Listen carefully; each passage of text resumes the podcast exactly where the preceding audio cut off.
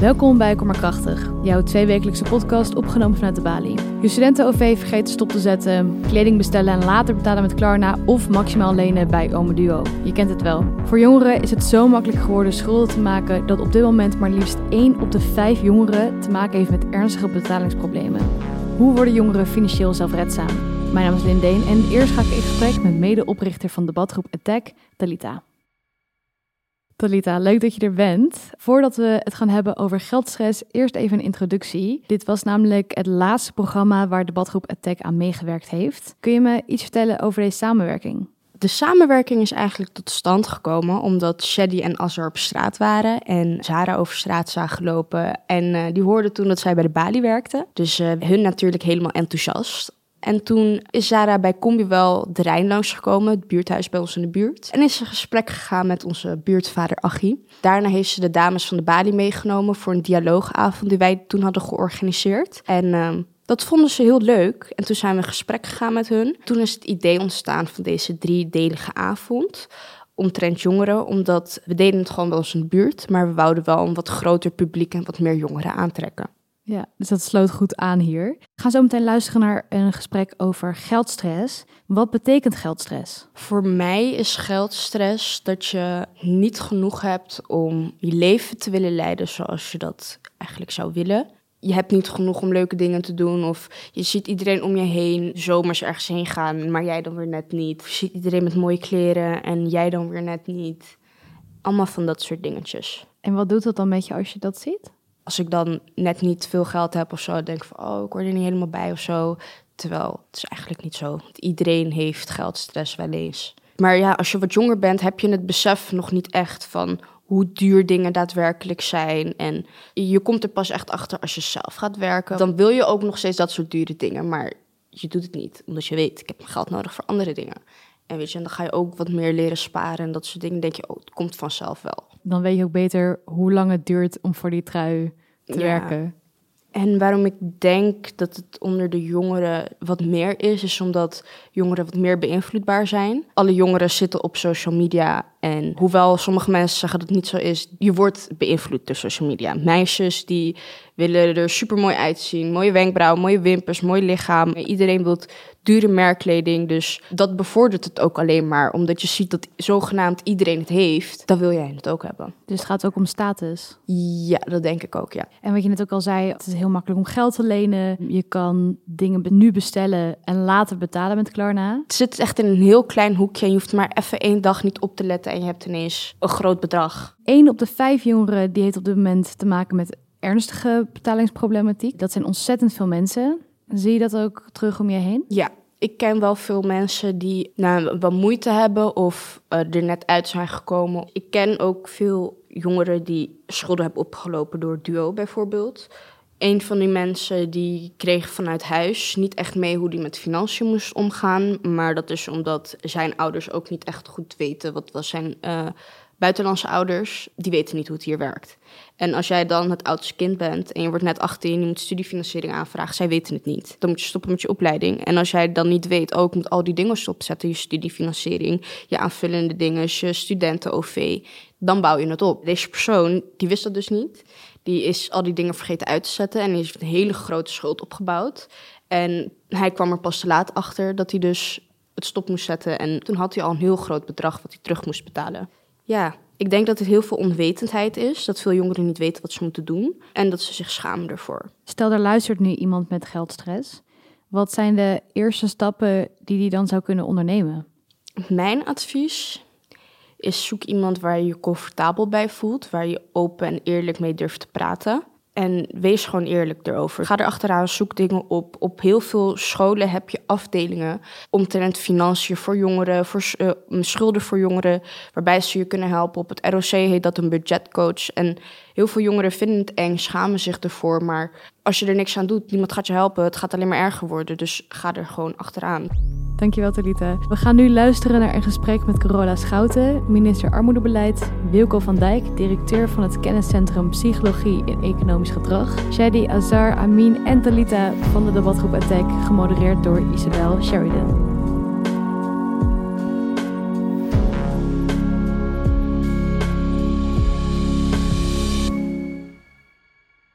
Dan denk ik dat wij uh, gaan beginnen aan ons eerste panelgesprek. En voordat wij uh, in gesprek gaan, gaat Shady eerst een stuk voordragen dat hij zelf heeft geschreven. The American Dream. Het geloof dat iedereen, ongeacht geboorteplaats of klasse, zijn of haar eigen versie van succes kan bereiken. In een maatschappij waarin iedereen hogerop kan komen. Ik zelf voel veel gelijkenissen met ons bekende Hollandse zinnetje. Doe je best op school, dan krijg je later een goede baan met een goed salaris, waar je een mooie auto en een groot huis van kan kopen. Maar klopt dat zinnetje nog wel? Met ingang van het collegejaar 2015-16 werd de basisbeurs afgeschaft en werd het sociaal leenstelsel ingevoerd. Sociaal leenstelsel klinkt heel lief en inclusief, maar het is gewoon een scheve standaard. Want voor een grote groep mensen betekent dat dat de enige manier om hun Dutch Dream realiteit te maken duizenden euro's schuld maken is. En waar eerst door de overheid verteld werd dat het lenen rentevrij zou zijn, werden we vorig jaar medegedeeld dat dat een leugen was. Toen ik een jaar of 16 was en nog op de HAVO zat, kwam ik er op een gegeven moment achter dat het niet te doen was voor mij. Ik werkte als bezorger bij de lokale pizzabakker voor een uurloon van rond de 4 euro. Om mijn cijfers op school goed te houden, kon ik niet meer dan 15 uur in de week werken. Aan het einde van mijn salaris had ik altijd nog een stukje maand over. Of beter gezegd, een derde maand.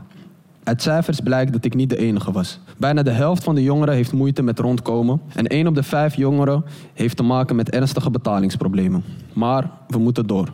We zitten in een woningscrisis. Want waar een grote groep jongeren door hun ouders met een zogenoemde jubelton op weg worden geholpen om bijvoorbeeld een huis te kopen, krijgt de andere groep jongeren dat duwtje in de rug niet. Op zich is dat een goed voorbeeld van het feit dat het leven niet eerlijk is, maar is dat niet een reden om over te zeiken. Hetgeen wat het wel erg maakt, is het contrast met zeg een stuk of 40 jaar geleden. Een tijd waarin het helemaal niet gek was om als 23-jarige al een eigen gekocht huis te bezitten, een vaste baan te hebben en of getrouwd te zijn. Gen Z, Carola, die wil dat ook. ik mocht het zeggen. Ik moet constateren dat we qua kansengelijkheid achteruit zijn gegaan. Ook moet ik het beleid van de overheid dat deze situatie in de hand heeft gewerkt benoemen. Het jarenlang toelaten van investeerders op de huizenmarkt is misschien goed voor de economie geweest, maar ten koste van een groot deel van de jongeren. Ik spreek namens een groot deel van de jongeren als ik nu vraag: mogen we nu misschien progressie verwachten? Vanaf ongeveer mijn dertiende heb ik in mijn omgeving een transformatie waargenomen. In mijn omgeving was de prioriteit niet meer voetballen of buitenspelen. Best normaal voor die leeftijd, kan ik nu zeggen. Maar wat ik wel gek vind, is dat school niet de prioriteit werd. Vanaf mijn dertiende was ik misschien qua tijd nog wel het meest op school, maar in mijn hoofd was ik nog maar met één ding bezig: geld. Geld betekent status, volgens onze maatschappij of in ieder geval in de leefwereld van de jeugd. En helaas betekent dat dus ook, als je geen geld hebt, dan heb je nul status. Minister Schouten, wat ik graag zou willen, is dat de 13-jarige van 2023 niet met die stress hoeft rond te lopen.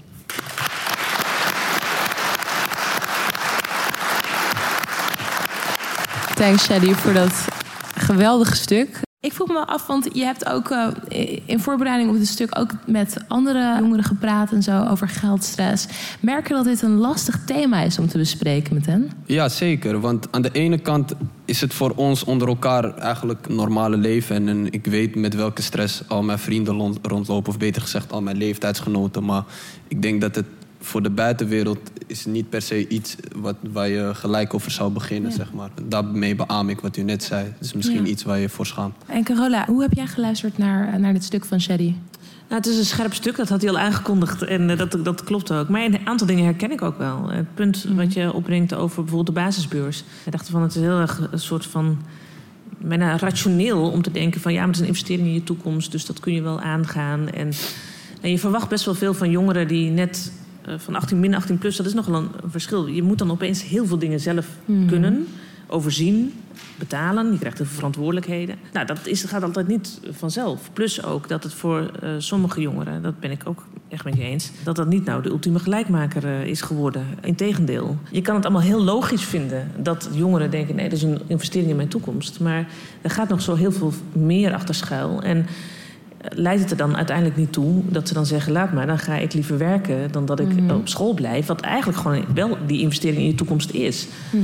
Dus ik ben wel heel blij dat we die nu weer gewoon uh, gaan, uh, gaan introduceren. Want die is denk ik echt heel hard nodig. Al is het maar om een stukje rust te geven. Ik bedoel, je gaat er niet rijk van worden van die basisbeurs. Mm Want er is inderdaad gewoon een verschil inderdaad tussen rust en rijkdom. Ja, ja. Oh, vertel, Talita, heb je een vraag? Ja, ik heb een vraag naar mevrouw Schouten. Ik ken veel jongeren om mij heen die schulden hebben opgelopen door school. En dat is dan bijvoorbeeld omdat ze zijn afgestroomd of uh, het is, werd demotiverend, noem het maar op. En uh, dan begint het met niet opdagen en het vergeten van studiefinanciering op, ja. opzeggen, doorgaan met studenten-OV en noem het maar op. En daardoor is DUO dus een van de grootste schuldeisers onder de jongeren. Ja. En wat ik mij dan afvraag of het mogelijk is of uh, de overheid niet wat meer coulanter kan zijn met jongeren tussen de 18 tot de 21. Omdat zij, je bent net 18, je weet niet wat je moet doen. Je leert het niet op school. En als je dan alles ineens zo voor je krijgt en je ineens een fout maakt, dat kan je van de rest van je leven achterna zitten. En dit gebeurt bij zoveel jongeren en ja. jullie weten er ook al van. Dus ja, is, er, is dat niet mogelijk? We weten dat een van de, de redenen bijvoorbeeld waarom jongeren ook schuld hebben... is omdat ze een OV-kaart niet op tijd uh, opzeggen. En dat kan best wel in de papieren lopen als je dat niet op tijd doet. Waardoor nu bijvoorbeeld ook de minister van, uh, van Onderwijs aan het kijken is... of dat hij gewoon ervoor kan zorgen dat je automatisch eigenlijk niet meer kan reizen met je OV-kaart... als je daar gewoon gerecht meer op hebt. Je moet een soort mechanisme inbouwen waardoor het eigenlijk gelijk duidelijk is van... oh, er is iets aan de hand, daardoor kan ik het niet meer gebruiken. Ik moet dus nu iets doen, want anders dan uh, nou, heb ik waarschijnlijk een probleem of wat dan ook. Maar ook met schulden. Hier in Amsterdam uh, is er ook nu een, uh, een pilot begonnen... ook met Duo en de gemeente Amsterdam... die ook eerder contact opneemt met jongeren... die bijvoorbeeld al een aantal keren niet aan hun betalingen hebben voldaan... of dat er iets een situatie is met Duo... Um, waardoor je sneller naar de jongeren toe kunt... om te kijken om, om, om het probleem niet zo groot te laten worden. Mm -hmm. Dus je moet eigenlijk steeds sneller erbij zijn... Uh, om te zorgen dat het probleem, als het er is... dat het niet heel groot kan worden. Want dat is voor ons vaak veel moeilijker. Ja, en coulant, het is best lastig om te bepalen of een jongere natuurlijk zelf stopt omdat hij dat zelf wil of dat hij een fout heeft gemaakt. Mm -hmm. Dus ik denk dat we vooral veel meer sneller erbovenop moeten zitten als zo'n situatie zich voordoet, mm -hmm. zodat het probleem niet uit de hand kan lopen. Maar ja. denkt u niet ook misschien dat, want we zien het niet alleen bij het OV-chipkaart hoor, maar bij alle vormen van lenen, dan zet de overheid wel er een kleine waarschuwing bij in de vorm van een misschien onderin een kleine balk. Mm -hmm. Maar denkt u niet dat het veel zichtbaarder ja. moet zijn, vooral voor jongeren? Een paar jaar geleden nog, als je bij Duo een lening wilde afsluiten, ik weet niet of je dat nog hebt gezien, maar was de eerste keuze op de website: wilt u maximaal lenen? Hoeft u mm -hmm. alleen een vinkje aan te vinken ja, weet je, als het je bijna in de schoot wordt geworpen, uh, ja. dan is het uh, een beetje, nou ja, hier zit de wetenschapper, maar ja. het lijkt mij dat, dat, dat je dan denkt, nou, dat is best een optie. Ja, uh, ik heb dat geld nu nodig. Mm -hmm. Dus dat soort, uh, gewoon al bijna een soort streetwise opties moet je mm -hmm. gewoon al, al doorvoeren om te zorgen dat het niet een soort automatisme is. Wilco, nou, het werd net al aangestipt, makkelijk geld lenen. Mm -hmm. Het is al een tijdje ding, maar het wordt volgens mij steeds makkelijker. Ik ben ook niet vreemd van Klarna, het systeem waarmee je achteraf kan betalen. je hebt natuurlijk Afterpay, je hebt telefoonabonnementen. Wat is hier zo gevaarlijk aan, voor, specifiek voor jongeren? Nou, ik denk dat het bij alles wat je aanschaft, zijn dat abonnementen of leningen, dat je van tevoren na moet denken: kan ik dat betalen? Mm-hmm. En dat is denk ik het, het, belangrijkste. En die beslissing kun je alleen maar ook maken als je voldoende informatie hebt over wat dingen gaan kosten. Mm-hmm. Dus dat is één. En ik wil even aansluiten op, op wat hier eerder gezegd is over dat het niet gebruik van toeslagen heel laag is, dat OV-kaarten niet stopgezet mm-hmm. wordt. Ik denk dat het heel goed zou zijn voor elke organisatie om na te gaan bij regelingen. Wat gebeurt er nou als iemand niks doet? Mm-hmm. Loopt het dan mis? Dan moet, dan moet, je een veiligheidsnet inbouwen. Want we weten met name als mensen in de stress zitten, dat doet cognitief, dat doet iets met je ja. hoofd. Dat betekent is, is dat je eigenlijk niet op lange termijn na gaat denken, dat je heel moeilijk in actie komt mm-hmm. en minder snel dus bepaalde dingen gaat doen. Dus dan moet je ja. na gaan denken, als ik nu niks doe, loopt het dan mis? Gaat die OVK dan echt inderdaad nog zes maanden doorlopen? Mm-hmm. En dan moet je ingrijpen. Ja. Dan moet je misschien een systeem hebben, is dat je elke maand je OVK aan moet zetten. Want dan kom je wel in actie van als je bij het woordje komt die zegt van nee, ja, dan ga je wel naar de automaat. Ja, dus ja. dat is een andere manier van erover nadenken. Mm, en ik kan me ook voorstellen dat met al die stressfactoren dat het dan ook een stuk aantrekkelijker wordt om even die brief, die blauwe brief van de Belastingdienst niet open te trekken. Ja, want ik denk wat. Met alle gevolgen van dien. Er zijn eigenlijk twee dingen wat bij geldstress speelt. Ten eerste is geldtekort. En ten tweede is dat je het gevoel hebt geen grip meer te hebben op de situatie. En het is die combinatie die het zo stressvol maakt. Want als je geen geld hebt, maar je hebt, je hebt nog wel grip op die situatie, wordt het bijna een uitdaging. En dan kun je misschien creatieve oplossingen ja. zoeken. Maar het is die combinatie van geen geld hebben en er geen controle op uh, hebben, die het zo uh, stressvol maakt. En dan krijg je die brief in de bus. En dan denk je, ja, nu kan ik hem gaan openmaken. En er zit een rekening in. En die is ongetwijfeld verhoogd. En als ik hem openmaak, ga ik me nog rotter voelen. Dus Mhm. Dan ga ik hem in de la Ja, korte eh, termijn. stoppen. Korte termijn. Dat is op zich een hele logische gedachte. Het punt is, Mhm. is dat daar automatisch ongetwijfeld boetes gaan lopen. Het, eh, onze overheid is zelf ook nog wel niet altijd heel coulant daarin. Dus als je dan weer niks doet... Mhm. Als je zes maanden je boetes niet betaalt, dan gaat hij van 50 ja, euro het stapelt, naar eh, het 3000 stapelt, euro. stapelt, stapelt. Ja, klopt. Talita. Ja, u had het over eh, regelingen en dat, Ja. dat de jongeren daar niet, veel, eh, er niet heel snel achteraan gaan. En ik denk dat het ook eigenlijk een beetje is omdat veel jongeren krijgen het ook niet mee uit huis. Bijvoorbeeld, ik kreeg vandaag te horen van Catharina dat ik belastingaangifte moet doen omdat ik werk. Ik heb daar nooit wat van huis uit meegekregen, omdat mijn moeder die komt uit Zuid-Amerika, dus zij weet niet hoe dat hier werkt. En mijn vader komt nog uit de tijd dat je gewoon met een MAVO-diploma gewoon goed werk kon vinden. Wat Shady zei, 40 jaar geleden was het allemaal haalbaar. Dus hij wist het ook niet van studiefinanciering, hoe, dat, hoe je dat allemaal moest aanvragen en dergelijke en dergelijke. Dus het is heel erg zelf zoeken. En als het er is, dan denk ik wel dat er. Laat meer zien op scholen, laat meer zien op middelbare scholen. Want als ik met mijn zusje er bijvoorbeeld over praat, zij krijgt dit allemaal niet mee. Terwijl het eigenlijk steeds belangrijker wordt, omdat de schulden steeds hoger worden. Ja, Maar. Ja zeker. Als ik me even mag aanvullen. Wat Talita had het net ook over de rol van de ouders. En dat bij sommige mensen krijg je dan misschien knowledge mee, waardoor je daar goed mee weet om te gaan. Maar bij heel veel ouders, die, die zitten zelf met die geldstress. Dus die hebben helemaal niet die kennis om door te geven aan, aan de jongeren. Ja. En waar ik, zei, ik, ik kan zelf een voorbeeld noemen van, van een gezin hier uit Amsterdam. En eh, die, die hadden een aanvullende uitkering. De vader werkte wel, de moeder niet. En de moeder is op een gegeven moment gaan werken. En die kreeg toen een aanslag van de Belastingdienst... van alle toeslagen van het afgelopen jaar voor 5000 euro. En dat voelt een beetje alsof je gestraft wordt omdat je bent gaan werken. En ik denk dat we daar heel erg over na moeten denken. Omdat we hebben te maken misschien met een hele grote groep mensen... die heel graag wil, heel passievol is... maar dat beleid van de overheid zich, eh, ze gewoon een beetje tegenhoudt. Ja. Nou, als ik daar iets op mag zeggen. Ik denk, eh, daar ligt ook onze verantwoordelijkheid voor ons als maatschappij. We, het, het leven is voor heel veel mensen gewoon veel, heel erg moeilijk geworden. We hebben allemaal regels en die zijn ongetwijfeld met de beste bedoelingen eh, bedacht. Maar die maken alles wel heel erg moeilijk. En om aan al je inkomstenbronnen te komen waar je recht op hebt... moet je door heel veel hoepels heen springen. Moet je heel veel websites doorspitten... waar alle informatie niet even duidelijk En niet even toegankelijk misschien En niet even toegankelijk is. Dus dat is iets wat wij ook als maatschappij ons moeten aantrekken. Als wij verwachten dat mensen zelfredzaam zijn, moeten wij de omstandigheden creëren waardoor mensen ook zelfredzaam kunnen eh, zijn. En dan moeten we een situatie creëren waardoor het verstandig financieel gedrag makkelijker wordt gemaakt en onverstandig financieel gedrag. Misschien dat we daar wat drempels voor moeten gaan opwerpen. Want, want hoe gedrag tot stand komt, dat heeft met de persoon zelf te maken, maar het heeft ook met de situatie die wij creëren te maken. Ja, het woord coulance viel net al. En is ook, ook iets waar, waar jij eigenlijk op hint. Nou, en misschien wat vergevingsgezindere overheid... die goed gedrag stimuleert... en je niet direct laat vallen als, eh, als, als je een keertje Ja, maar ik denk, ja, even, het, zeker bij de, bij de eh, jongeren. Ik, ik wil niet zeggen is dat, dat de overheid zich op moet stellen als een vergevingsgezinde ouder. Nou, maar wel eh, vrij richting die kant eh, op. Zeker, jongeren zijn wat impulsiever, nemen wat meer risico. En ja, af en toe maak, wordt er, worden er fouten gemaakt. En het moet niet zo zijn is dat dat jarenlang de jongeren blijft achtervolgen. Ja. En zoek dan samen met de jongeren eh, oplossing. Wees vergevingsgezind. En Mhm.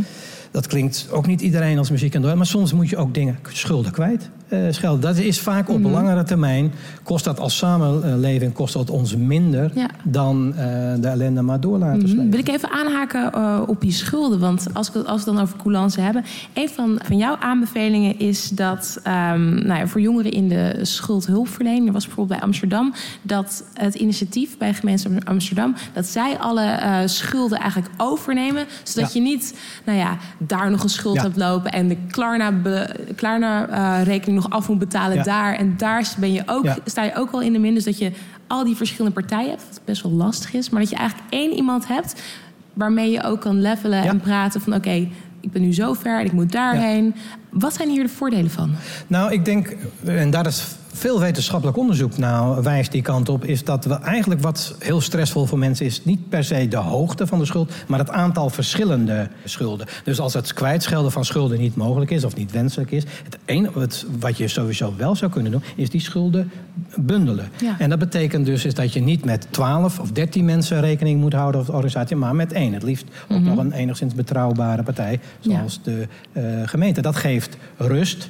Daar hoef je met, maar met één iemand eh, te communiceren. Die kan je ook helpen om oplossingen eh, te zoeken. Die kan je rust geven. Die kan je helpen om, om de Ja. boel weer op de rit eh, te krijgen. Ja. En dat is voor, natuurlijk, worden, moet er wat afgeschreven worden dan op, op schulden wa- waarschijnlijk. Maar, je, hoeft dan niet ook per se alle schulden kwijt Ja. te schelden. Je alleen maar te bundelen. Oh, is dat de bullshitbel? Azar, vertel. Ja, ik wil even inhaken over eh Klarna. Ik vroeg me af of u wel eens als eh, armoedeminister wel eens eh, om de tafel zit met dat soort bedrijven. Omdat jongeren heel veel schulden ja, daarmee oplopen. Ja, dat ga ik binnenkort doen. Dat heb ik ook eh, gezegd tegen ze. We zijn nu bezig, dat gaat... Dat is nu één bedrijf, maar het gaat eigenlijk over buy now, pay later. Gewoon in zijn algemeenheid. En we zien daar dat, dat veel van die nou, bedrijven die dat aanbieden... Ja, weet je, met name jongeren zien we nu echt in de problemen komen daardoor. Nou, dan kun je dus aan de ene kant zeggen... ja, dat moeten jongeren dan maar overzien, dat ze dat ook een keertje moeten betalen. Maar we zien ook tegelijkertijd dat nou ja, het soms wel heel makkelijk wordt gemaakt om, om eh, die schulden aan te gaan. Ehm, dus ik ga binnenkort met die bedrijven ook aan tafel. Maar daarnaast gaan we ook regels maken om te zorgen dat zij eh, veel strenger eigenlijk moeten gaan controleren of degene die ze dat aanbieden, dat überhaupt wel kan betalen. Eh, want dan maak je het voor hen veel moeilijker om dit, dit bedrijfsmodel eigenlijk nog toe te gaan passen. Eh, maar regels duurt altijd even voordat we die hebben. Dus ondertussen gaan we ook met die partij aan tafel om ook te laten zien nou, wat de impact kan, kan zijn van, van hun bedrijfsmodel. Ook op, juist op jongeren. En om nog even aan te haken op die schulden. Ja. Want dat is echt wel een belangrijk punt. Ehm, we hebben nu, als je nu heel macro kijkt, de, de cijfers verschillen een beetje, maar eh, ongeveer eh, kost het de maatschappij per jaar zo ongeveer 11 miljard euro voor een schuld, schulden van zo'n 3, 4 miljard. Wauw. Dus de maatschappelijke kosten zijn enorm hoog van Mhm. schulden. En dat zit hem niet alleen in, in, eh, in uitval van school of dat soort zaken, maar bijvoorbeeld ook in, in alle hulpverlening die we eromheen moeten bieden. Eh, andere regelingen. Ehm, dus het is eigenlijk best wel een slecht eh, businessmodel als je het zo zou kunnen gaan bekijken. Ja. Ehm, Schulden zijn duur. Schulden zijn heel Ja. duur en op heel veel vlakken. Ehm, dus wij willen juist nu eigenlijk ook toe naar een model waarin. eh, dus een aantal gemeentes gebeurt het al dat, dat de gemeente in dit geval dan. eh, alle schuldeisers bij elkaar pakt en zegt: Oké, wij nemen nu eh, de schuld over, jullie moeten een deel kwijtschelden. En bovendien, de meeste bedrijven die, die houden daar al rekening mee, want die weten ook wel dat als ze alles terug moeten gaan vragen, dat het ze meer kost dan die hele schuld. Is Dus- dat eigenlijk landelijk haalbaar? Want ik, nou ja, Ja, is er erg lovend over. Ja, nee, maar dat gaan we nu dus, dus ook. eh dat moet ook op gemeentelijk niveau. Maar dat is zeker wel de ambitie om dat eigenlijk in elke gemeente wel mogelijk te maken. Mhm. Waardoor je, en we gaan ook die periode nog verkorten, dat mensen dan ook nog in die, in die schuldopleiding zitten. Omdat je bijvoorbeeld ziet dat er heel veel uitval is. Eh, je hebt nu drie jaar bijvoorbeeld dat je een, een regeling hebt eh, eh, in het nog niet wettelijke traject. Daarna kan je nog een wettelijk traject krijgen. Kan het voorkomen dat je zes, zeven jaar in zo'n traject zit. Dat houdt bijna niemand vol voor 50 euro per week. Nee. Ehm, doe het dan gewoon korter, beter met één schuldeiser.